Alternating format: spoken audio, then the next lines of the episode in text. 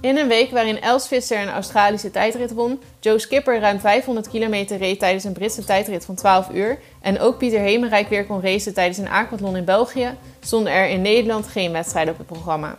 Maar getraind werd er uiteraard wel weer veel en de activiteiten vlogen ons tijdens het inloggen op Strava weer om de oren. Zijn we hier verslaafd aan, of zelfs van afhankelijk?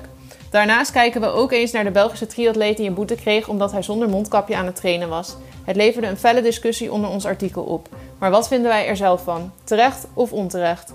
En we hebben het over de quiz die online staat. Herken jij alle triathlonkoppels? Dit en meer in de nieuwste aflevering van Triathlon Praat.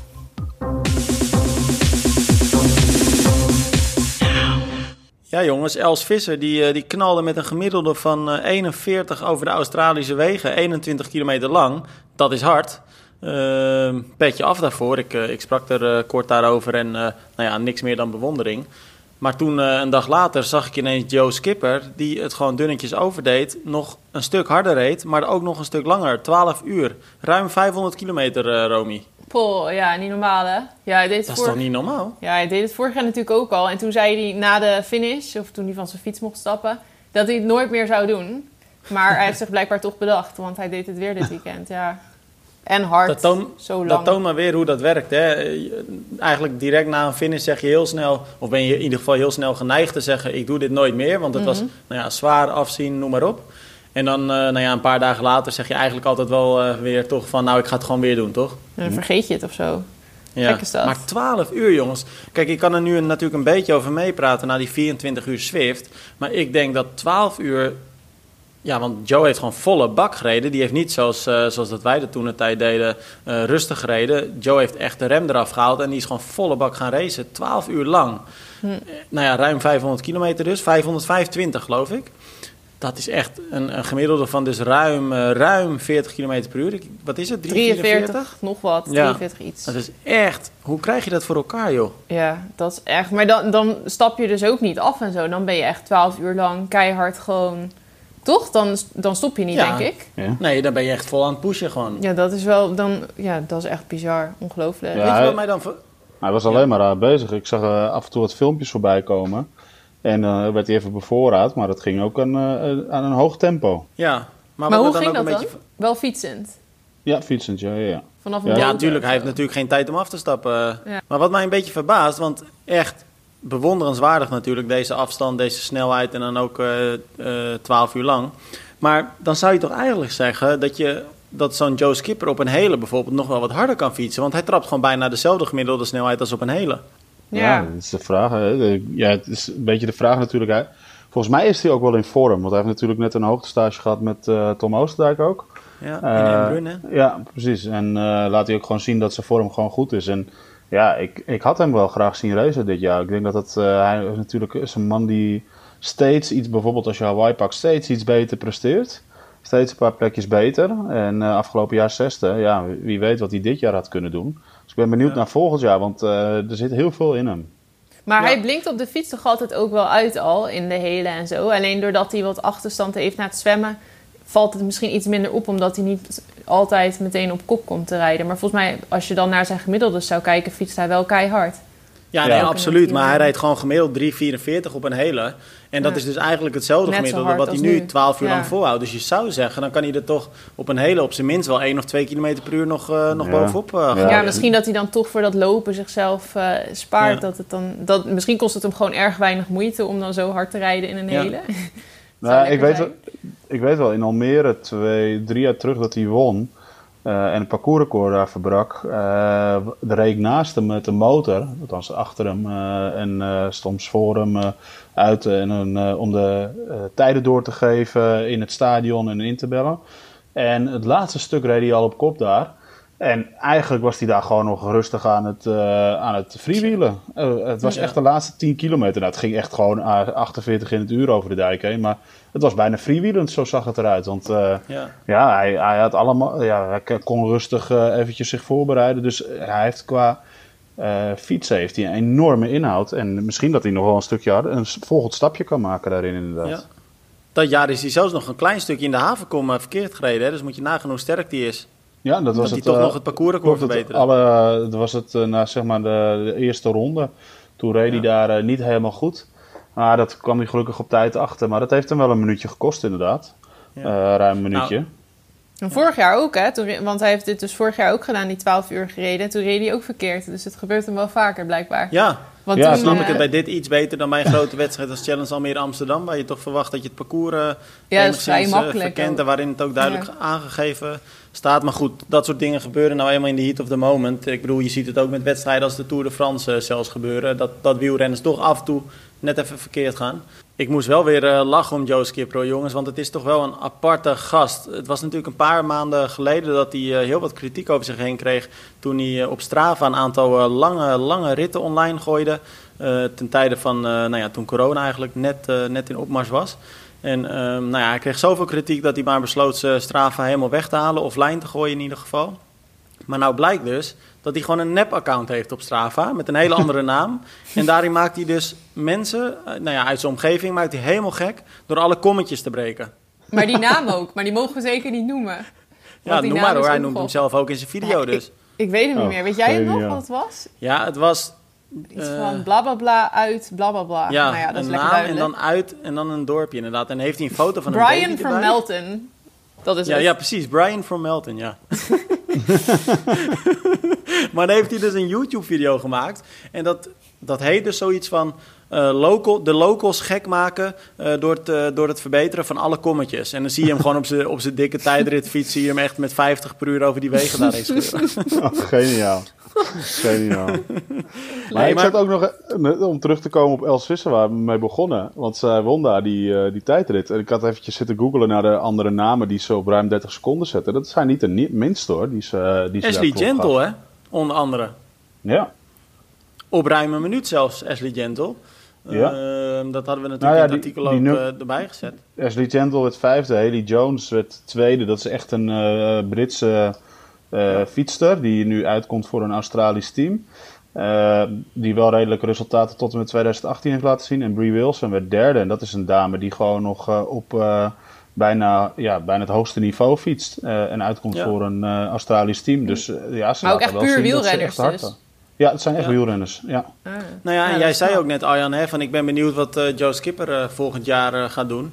Ik eh, wil die vraag eigenlijk wel gelijk doortrekken naar Els Visser ook. Ik ben ook wel heel erg benieuwd naar wat Els voor, volgend jaar, of in ieder geval in de periode dat straks de wedstrijden weer eh, zijn, wat zij gaat laten zien. Want ik heb het idee dat ze flink aan de weg timmert op dit moment daar in Ja, ze is volgens Australië. mij keihard aan het trainen. Ja, zeker. En Els is natuurlijk wel ook iemand, we hebben het natuurlijk gehad over op de Olympische afstand vorige week over mensen zoals een Quinty Schoens, eh, die, die flinke stappen kan maken. Maar Els is wel wat ouder dan Quinty, maar relatief gezien in de sport nog heel jong. Eh, en kan dus ook denk ik nog hele grote stappen maken. En dat zie je denk ik al eh, de afgelopen jaren steeds gebeuren. Maar ik was eh, ook zeker zeer benieuwd naar haar, wat ze dit jaar eh, kon doen. En ja, ik, eh, ik denk wel dat Els daar in Australië daar een goede zaak aan het doen is voor ja, 2021 wordt het dan denk ik, voordat we weer echt grote races krijgen. Maar dan denk ik wel dat, uh, dat we haar in de gaten moeten gaan houden.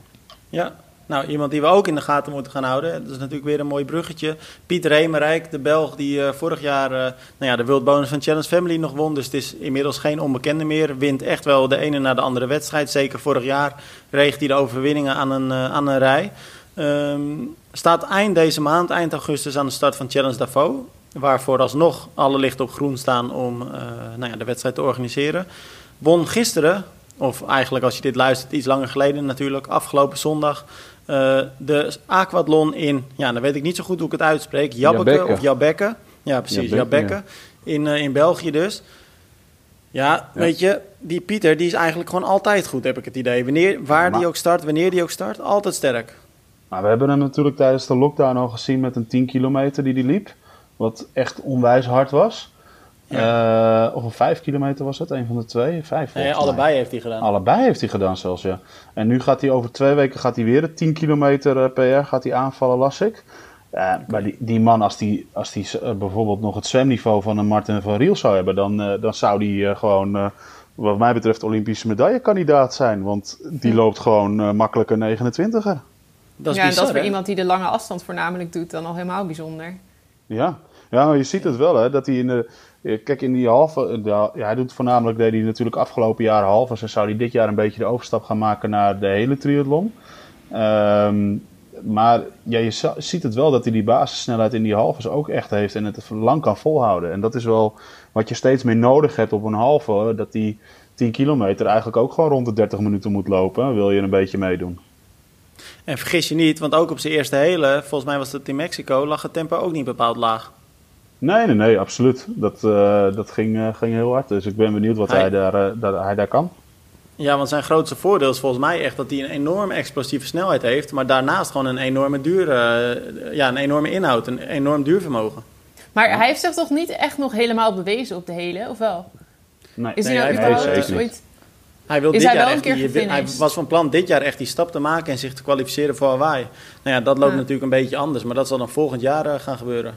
Ja. Maar ik weet dat, En ik dan- ben het even vergeten, maar Mexico, is hij toen uiteindelijk gefinished dan? Nee, daar is Ja, hij dat- uitgestapt. Ja, maar toen had hij pech aan zijn fiets. Ja. Het was niet zozeer dat hij het- niet eh, volhield, alleen het was meer dat hij eh, daar heel veel pech kreeg. Eh, en ik had hem daar wel willen zien lopen nog, eh, hoe, hoe, hoe hard dat zou gaan. Ik denk dat hij eh, daar wel kan laten zien hoe, hoe goed hij is. En ja, weet je, Pieter is denk ik wel een multitalent als je het zo omschrijft. Het gaat hem, lijkt het van een afstand eh, vrij makkelijk afvallen, maar natuurlijk traint hij er keihard voor. Maar eh, als je ziet die tijden allemaal ziet, dan eh, is het wel iemand om ook eh, voor de hele gewoon in de gaten te gaan houden de aankomende jaren. Ja, ik ben heel Ja. benieuwd of dat hij dat ook goed gaat kunnen doen. Want je ziet het toch ook wel eens dat... Je ziet het niet heel vaak bij atleten die het goed doen op de halve. Maar toch heb je wel eens van die atleten die dan op de hele vervolgens... dat dat toch te lang blijkt of zo. Ja, Ik ben, ja, ik ja, ben soms moet het ook gewoon twee, drie jaar groeien. Hè? Ja, gewoon even de tijd nodig. Ja, dus ik, ik ben wel heel erg benieuwd wat hij daar kan. En hij heeft natuurlijk, eh, kan nu lekker wat, eh, eerst wat kleine wedstrijdjes, of althans wat kleinere wedstrijden meepakken. Het was een, oorspronkelijk zou het gisteren een triathlon zijn. Maar dat werd omgezet vanwege de opleving van het coronavirus in een aquathlon. Nou ja, en dan liet hij ook gewoon weer zien dat hij eh, de beste is voor zijn broertje. Hè? Sander, die werd tweede. Ja, Sander. Ja. Ja. Nou, mooi, eh, mooi familiepodium dus. Hey, eh, maar dat hij duidelijk aan de weg timmert, dat is eh, duidelijk. Iemand die volgens mij ook aan de weg timmert, Romy, ben jij zelf. Want je hebt gisteren een mooie training achter de rug. Nou, dat is inderdaad... dat moeten we ook even bespreken, mijn trainingsrondje van gisteren. Want dat is wel Oh ja, wij een kregen een foto vraag. doorgestuurd, hè? Hey. Ja, met challenge Nou. shirt. En ik heb, ik heb iets meer dan een foto gekregen. Ik heb ook een mooi filmpje gekregen. Arjan, ik heb een vraag aan je.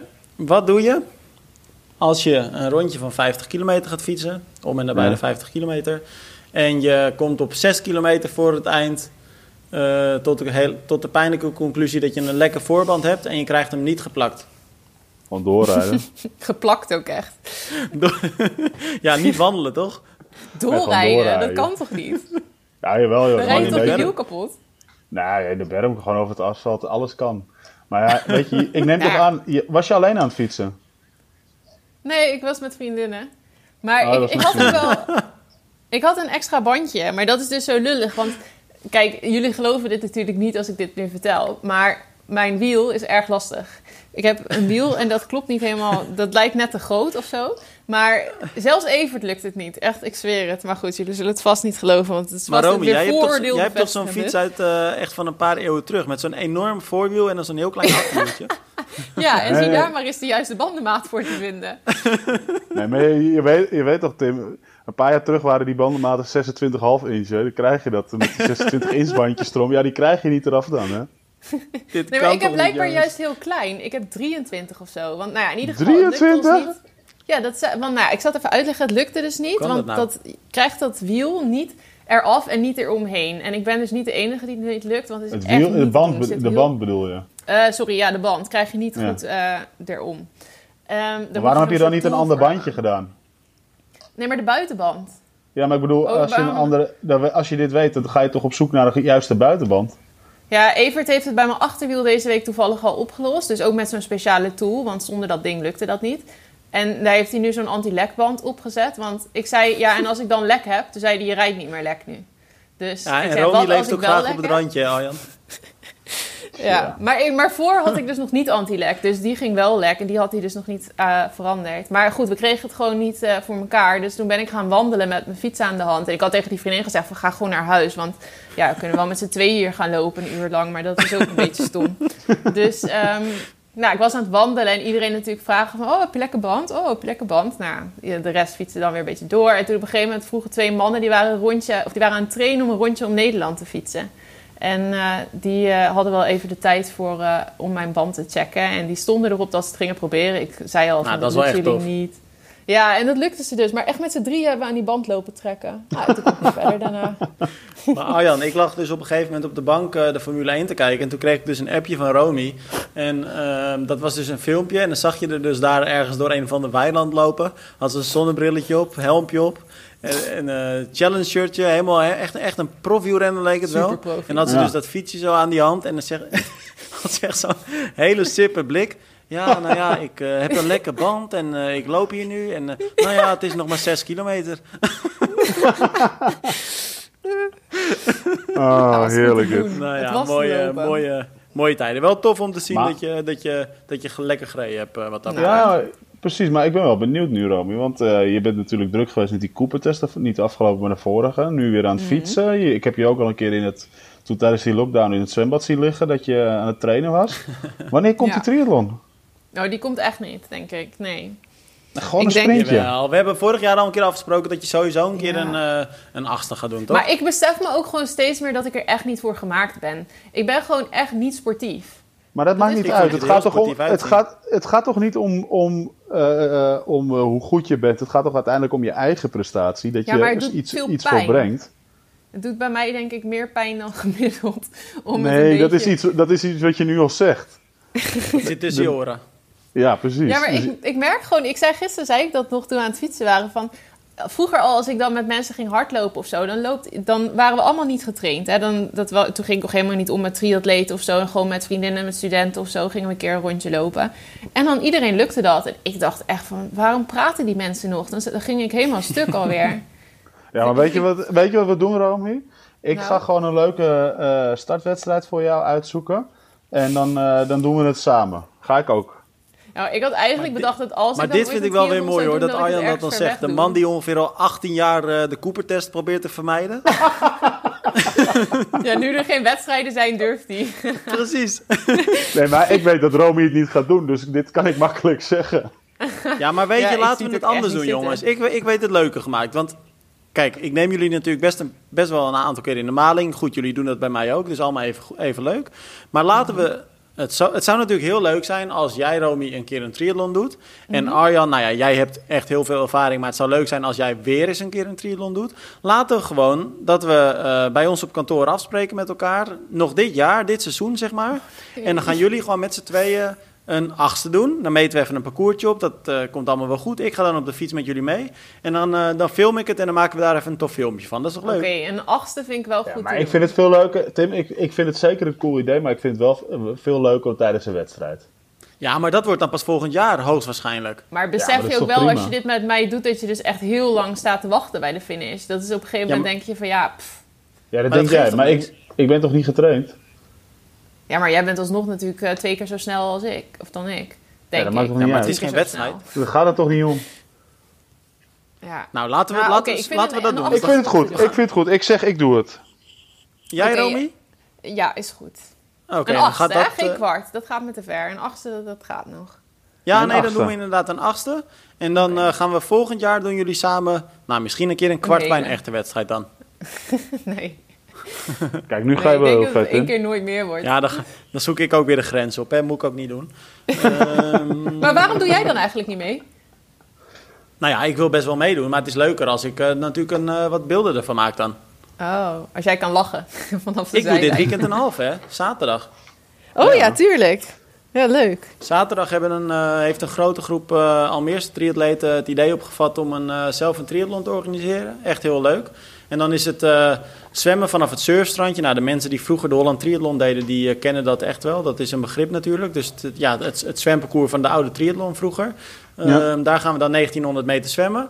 Dan een rondje Challenge Almere Amsterdam fietsen. Met een extra klein lusje, geloof ik, in, rond Zeewolde nog. En dan eh, drie rondjes door Almere Haven rennen. Dus nou ja, alles bij elkaar dan een half triathlon. Dus eh, nou, ik ben benieuwd. Ik hou mijn hart wel vast, want het wordt 35 graden, geloof ik. Ja, Oh. het wordt wel heet. Het wordt Oh, goed verzorgd. Ja.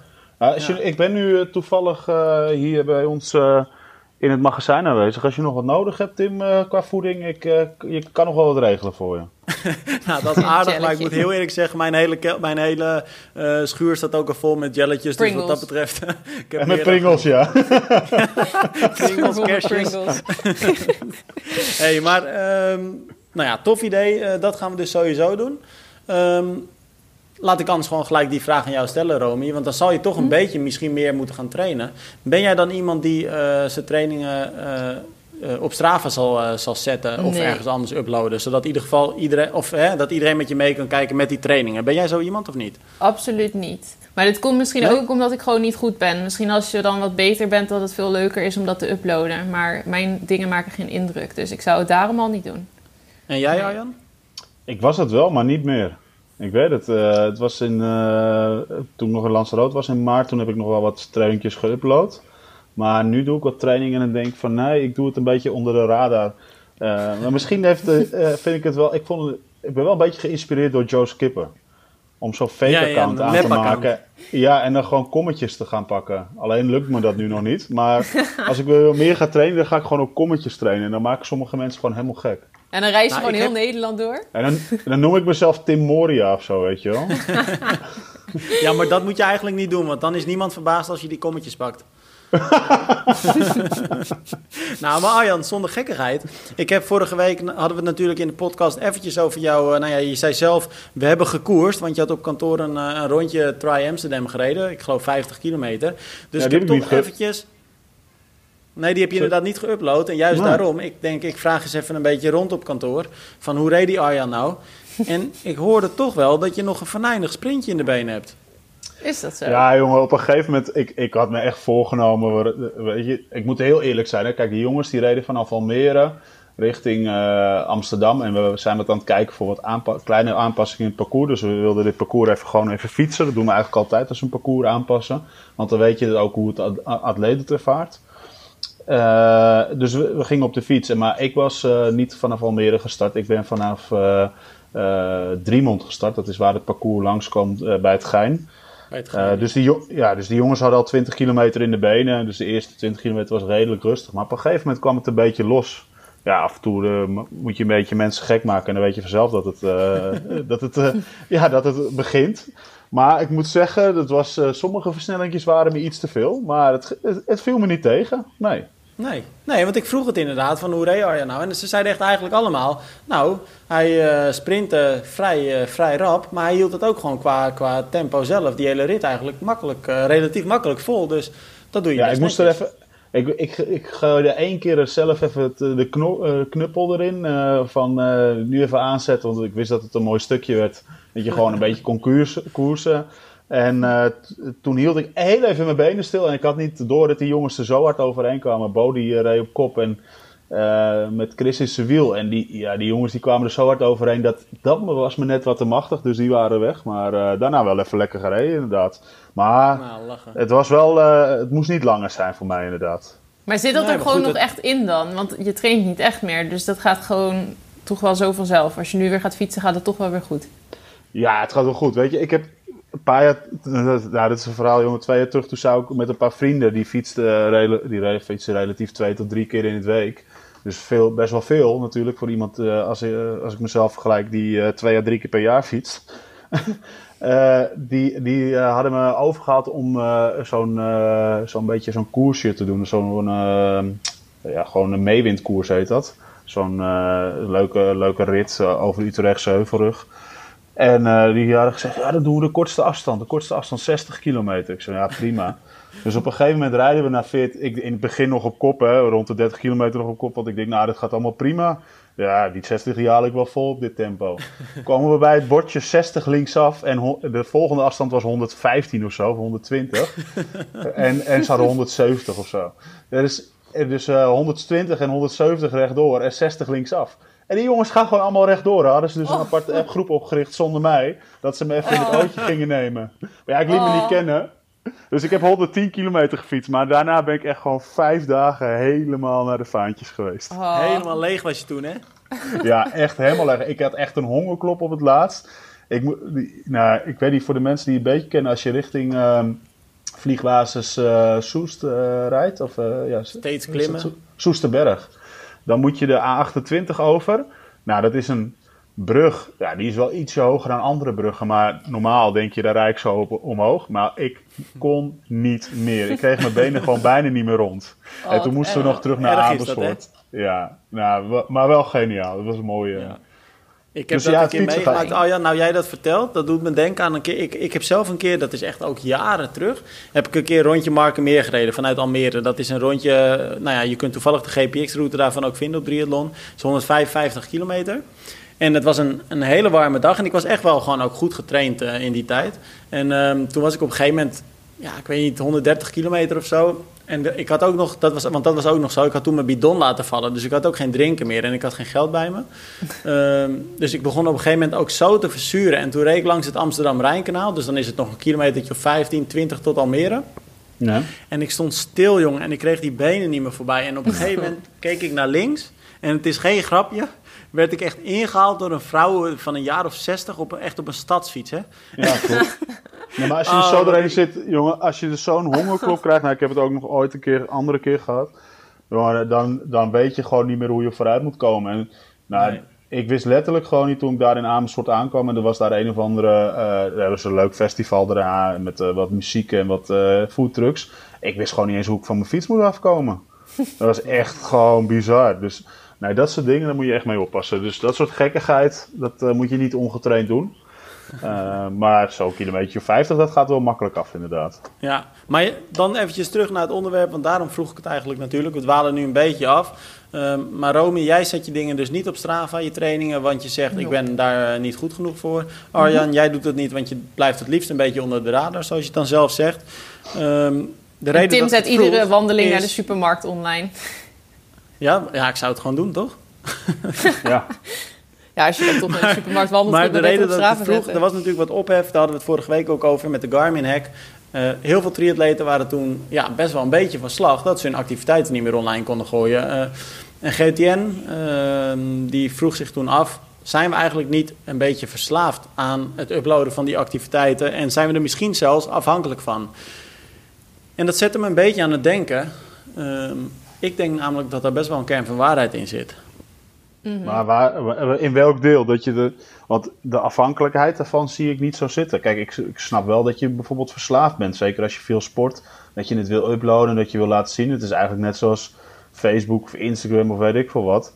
Uh, dat je die trainingen kunt uploaden. Maar dat je er afhankelijk van bent, dat zie ik nou, niet. Misschien gaan mensen niet trainen als ze zeg maar weten dat, dat je via Garmin nou, dan was er nog een andere manier om, om voor, vorige week die trainingen vanaf je Garmin nog op Strava te krijgen. Maar stel nou dat die optie er niet was. Misschien zijn er wel mensen die zeggen: Oh, dan ga ik wel niet die uh, weet ik veel, 120 kilometer lange rit die op programma stond fietsen. Dan wacht ik wel een paar dagen totdat ik hem fiets en wel op Strava kan zetten.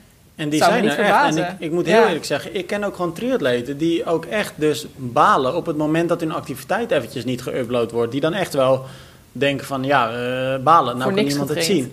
Dat, dat is toch een soort van afhankelijkheid.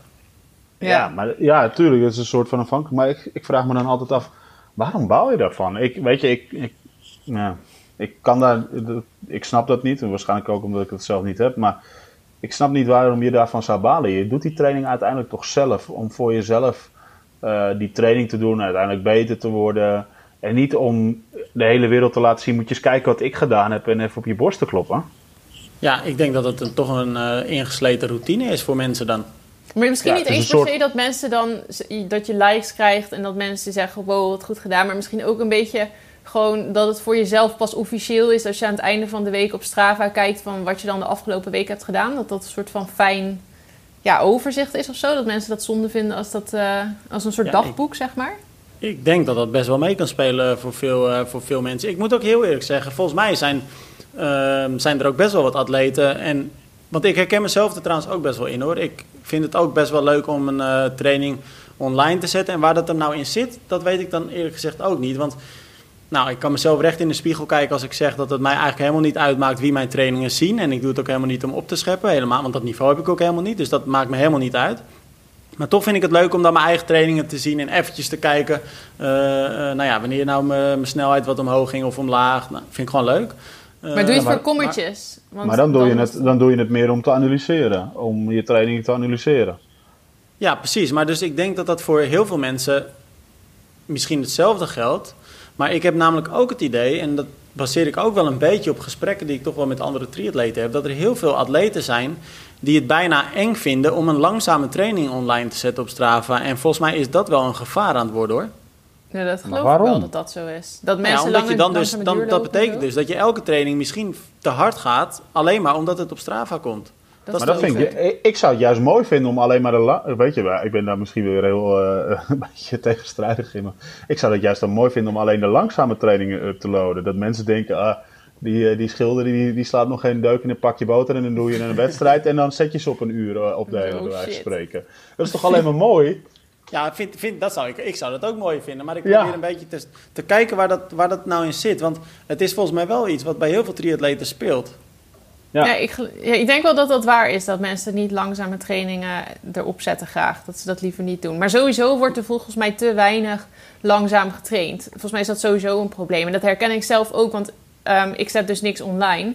Maar als ik ga lopen neem ik dan wel vaak mijn horloge mee. En dan wil ik wel een bepaalde snelheid hebben. Ik baal dan wel als het dan niet is wat ik van tevoren had bedacht dat ik wilde gaan lopen. Zeg maar. En ik denk dat veel mensen dat hebben. Terwijl dat je dan niet wil accepteren dat je duursnelheid dat, dat die lager is dan, eh, of dat het gewoon veel lager is dan wanneer je all-out gaat. En dat je daardoor snel Ja, of dat te je een keer een slechte dag hebt. Dat kan natuurlijk ook gewoon. Ja, ja, en gewoon omdat niet iedere training hard moet. Maar ik denk trouwens ook Ja. dat Strava, want dat benoemen we nu nog niet, maar het is natuurlijk ook iets sociaals. Ik denk dat, dat het niet alleen maar is voor de credits, maar dat mensen het natuurlijk ook leuk vinden om met elkaar. ehm, dat het een soort, soort groepsgevoel eh, geeft of zo. En als je niet uploadt, dan doe je er natuurlijk ook niet aan mee. Dan kun je ook niet echt meer met mensen. Dan heb je die interactie niet.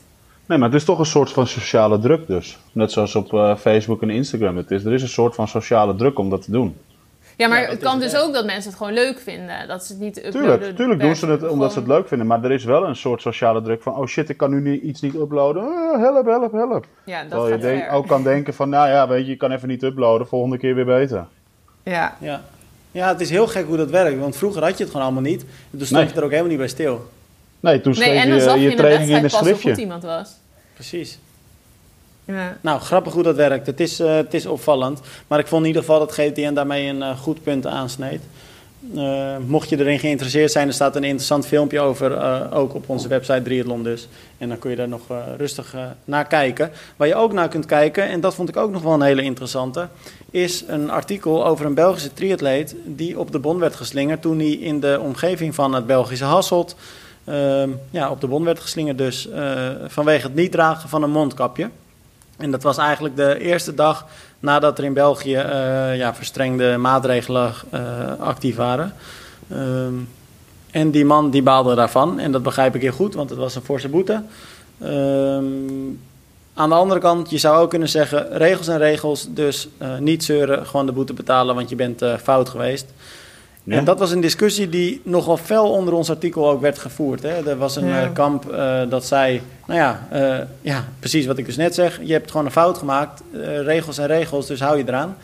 Ehm, en als je dat niet doet, dan is het eh, rechtvaardig dat je de boete moet betalen.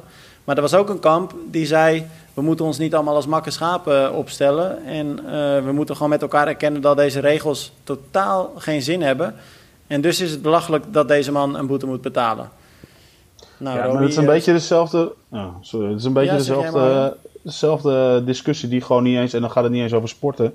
Die gewoon, oh, waar ik heel moe overigens van word... Op social media, iedereen die, eh, die daar zijn mening over heeft... En dat eh, groot moet ventileren. Want je hebt gewoon een groep die, die al die, die maatregelen niks vindt. En je hebt een groep die zegt: nee, je moet je gewoon erg, je eraan houden. Want het zijn gewoon de regels, inderdaad. Net zoals dat wij hier anderhalf meter hebben. Eh, vinden mensen dat heel normaal. Maar er zijn ook heel veel mensen, ja, bullshit, weet je wel. Dus, Ja. ik, ik- ja, maar wat ik, ik- dan denk, ik, ik heb er alle begrip voor dat je de regels overdreven vindt of dat je vindt dat ze nergens op slaan. Dat kan. Maar dan kun je toch nog steeds niet om het punt heen dat een regel een regel is en dat Ja, je dus ja. gewoon aan die regel moet houden. Ja, het gaat er niet Kijk. om waarom die regel er is. Maar eigenlijk, ja, volgens mij is dan wat de mensen die daar tegen zijn, zeggen dan weer van ben je dan zo'n simpel iemand dat iedere regel die bedacht wordt, dat je die altijd maar volgt. En als een soort makschaap erachteraan gaat, zeg maar. Maar ik ben dus eigenlijk ook wel zo meestal als, als er een regel is, dan hou ik me gewoon aan die regel. En die man, hoe lullig het ook is, heeft zich niet aan de regel gehouden. En daarom heeft hij een boete gekregen. En nou ja, ik zou misschien ook niet aan die regel hebben gehouden als het om een heel klein stukje gaat. Maar dat is nou eenmaal het risico wat je neemt. Dat is dan de pech Ja. die je op dat moment even hebt. Ja. Ja, nou ja, Ja. want, want, eh, want hij zei ook, hè, van ik ben eigenlijk op dat stukje, want het, het ging geloof ik om een, om, een stukje van een 500 paar honderd meter of meter. zo, En hij, ja. hij verdedigde, verdedigde zichzelf eigenlijk door te zeggen van, ik ben ook helemaal niemand tegengekomen op dat stuk. En dan denk ik bij mezelf, ja, weet je, als ik nu op de snelweg niemand tegenkom en 180 ga rijden, dan is dat nog steeds geen rechtvaardiging van dat ik 180 rijd. Nee, Ja. kijk, ik, ik snap de hele discussie, snap ik, eh, als je één stap terug gaat. Of, of, die, eh, of deze regel gerechtvaardigd is. Want die, die, die discussie speelt nu ook in Nederland, eh, dat eh, de burgemeesters van Amsterdam en Rotterdam op bepaalde plekken mondkapjes eh, verplicht hebben gesteld. En daar zijn een aantal hoogleraren en mensen die heel hoog zitten in het, straf, of in het recht, die zeggen ja, maar dit is helemaal niet gefundeerd op, op, op het wetboek. Of dit gaat zelfs in tegen het grondrecht wat je hebt als Nederlander. Kijk, die, die discussie, maar dat is een hele andere discussie. Eh, nu is er gewoon voor mij, denk ik dan, er is een regel waar je je aan moet houden. En dan moet je volgens mij niet de discussie voeren, heb ik een onterechte boete gehad? Nee, dan moet, het- moet je de discussie voeren, is het terecht dat er een mondkapjesplicht wordt ingesteld? Ja. En, en weet je, nu weet je, ik stuurde het volgens mij donderdag of woensdag naar, je, naar, je- naar jou, Tim, van, eh, want jij ging vrijdag trainen. Wees maar blij dat je niet in Vlaanderen gaat trainen, want anders had je met mondkapje moeten optrainen. Ja? Eh, weet je, dus zelfs, zelfs ja, wij wisten ervan. Dan denk ik van ja, je woont daar, je weet wat het is. En anders dan moet je maar zeggen van eh, ik, ga maar, eh, ik ga maar even niet hardlopen als je, niet, als je geen Maar je- mondkapje op wil Je kunt hebben. het ook gewoon omzeilen, want het is volgens mij dus binnen de bepaalde kom moet je dan dat mondkapje op. Maar je had dus ook 500 meter je mondkapje op kunnen doen, af kunnen doen, hardlopen en weer even dat stukje in die bebouwde kom het kapje weer op kunnen zetten. Ja. Ja, Het hoeft ja, niet weet je, we zijn het dus op. met elkaar eens, weet je. Het is tuurlijk, het is waardeloos dat je dan zo'n kapje eventjes om moet doen. En ik snap ook echt wel dat die hardloper, eh, nou ja, dat niet heeft gedaan. Of dat misschien gewoon vergeten is. Want dat, dat kan ik me heel goed voorstellen. Dat als je aan het hardlopen bent en dat je er gewoon heel veel niet bij stilstaat. Dat je net op een stukje komt waar je dus blijkbaar wel een eh, mondkapje op moet doen. Ehm, Ja. Alleen ja, het feit is gewoon, de regel is de regel. En je hebt je aan die regel te houden. En of je die regel nou wel of niet goed vindt, die regel is er nu eenmaal. Dus Ja. Ja, overigens is die regel alweer teruggetrokken inmiddels. Hè? nu wel inderdaad. Ja, hij had wel Ja. precies pech, dus ja, dat is een beetje Ja, lullig. hij heeft wel ja, echt dat, pech gehad. ja. Ja, Laten we dus- vooral hopen dat wij niet die kant op gaan en dat we dat straks ook moeten doen. Want dat, ik moet er niet aan denken, jongens. Trainen met de Dat is echt niet fijn. Volgens mij heb je ook gewoon, ja, neem ik aan, minder zuurstof. Tenminste, ik krijg het heel benauwd van zo'n mondkapje. Ik zou het echt niet fijn vinden om mee te sporten. Nee, heb ik ook hoor. Ja. Nou, ik zou echt eh, een claustrofobisch gevoel krijgen ervan. Dus ik zou niet eens meer gaan sporten. Nou, sport ik al niet veel, maar eh, dit, zou mij echt de, nou, dit zou voor mij echt de grens gaan om, eh, om te zeggen, dat doe het helemaal niet. Nee, nee, Ja, nee, voor- nee dan zou ik ook inderdaad niet meer gaan sporten. Dan zou ik gewoon binnen gaan sporten. want Ja, dan dat zit je echt, gewoon op de bank met je mondkapje op. Dan raak je ook buiten adem. Dat is ook een soort van sporten. Dan kun je dat dan Maak je de trap op en af. Ja. Hey, nog een laatste ding, jongens, wat ik wel heel leuk vind eh, om eh eventjes te delen in deze podcast. Begin deze week hebben we een eh, leuke quiz online gezet. Ehm, ja, want het zijn eigenlijk de liefdeskoppels uit de triathlonwereld. En ik moet heel eerlijk zeggen, we hebben er een aantal op een rij gezet. En dan is het aan jullie, onze luisteraars slash lezers, om ons te mailen welke atleten dat zijn. Dus zowel de man als de vrouw. Ehm, het verbaasde mij, het zijn best wel heel veel koppels, jongens. Ja, zeker Ja. veel. En dan ook echt goede triatleten die samen zijn. Dus het zijn niet een beetje Ja. onbekende namen of zo. Gewoon grote namen. Ja. Ja. Nou, ik leuk. weet nog wel, het, eh, wel de eerste, eerste jaar van eh, de championship in eh Samorin van Challenge Family. Toen was er een soort eh, strijd ontstaan. Ook nog eh, niet alleen eh, wie natuurlijk eh, de winst pakte bij de dames en heren, maar ook nog wie het snelste koppel was. ja? Oh. Weet jij, nog wie dat, nou, weet, jij nog, weet jij nog wie dat was? Ja, ik weet het, maar dat kunnen we nu niet zeggen, want ze zitten er ook bij namelijk. Ja, precies. Dus het is, Ik denk dat ik het ook weet. zit- Mag ik het na de podcast een- horen? Er zit Nederlands bloed bij. Precies. nou, ik, denk, ik, ik vermoed dat de mensen die wel weten te raden, toch? Ja, natuurlijk. De- Ik denk als je een beetje triathlon volgt, dan, dan weet je die wel te raden. Dat, dat zal wel Precies, een van dat de makkelijkste zijn. Nou, gaat, eh, gaat zeker checken. Eh, laat ons weten welke koppels het zijn. En dan eh, doen we aankomende zaterdag de uitslag daarvan. En, eh, en weet je dus ook of jij een prijsje hebt gewonnen. Ehm, nou jongens, ik ga eh, niet meedoen, want ik weet al wel welke koppels het zijn. Eh, wat ik wel ga doen is jullie weer bedanken voor de podcast. En dan eh, spreek ik jullie volgende week weer. Yes, tot volgende week. Tot volgende week.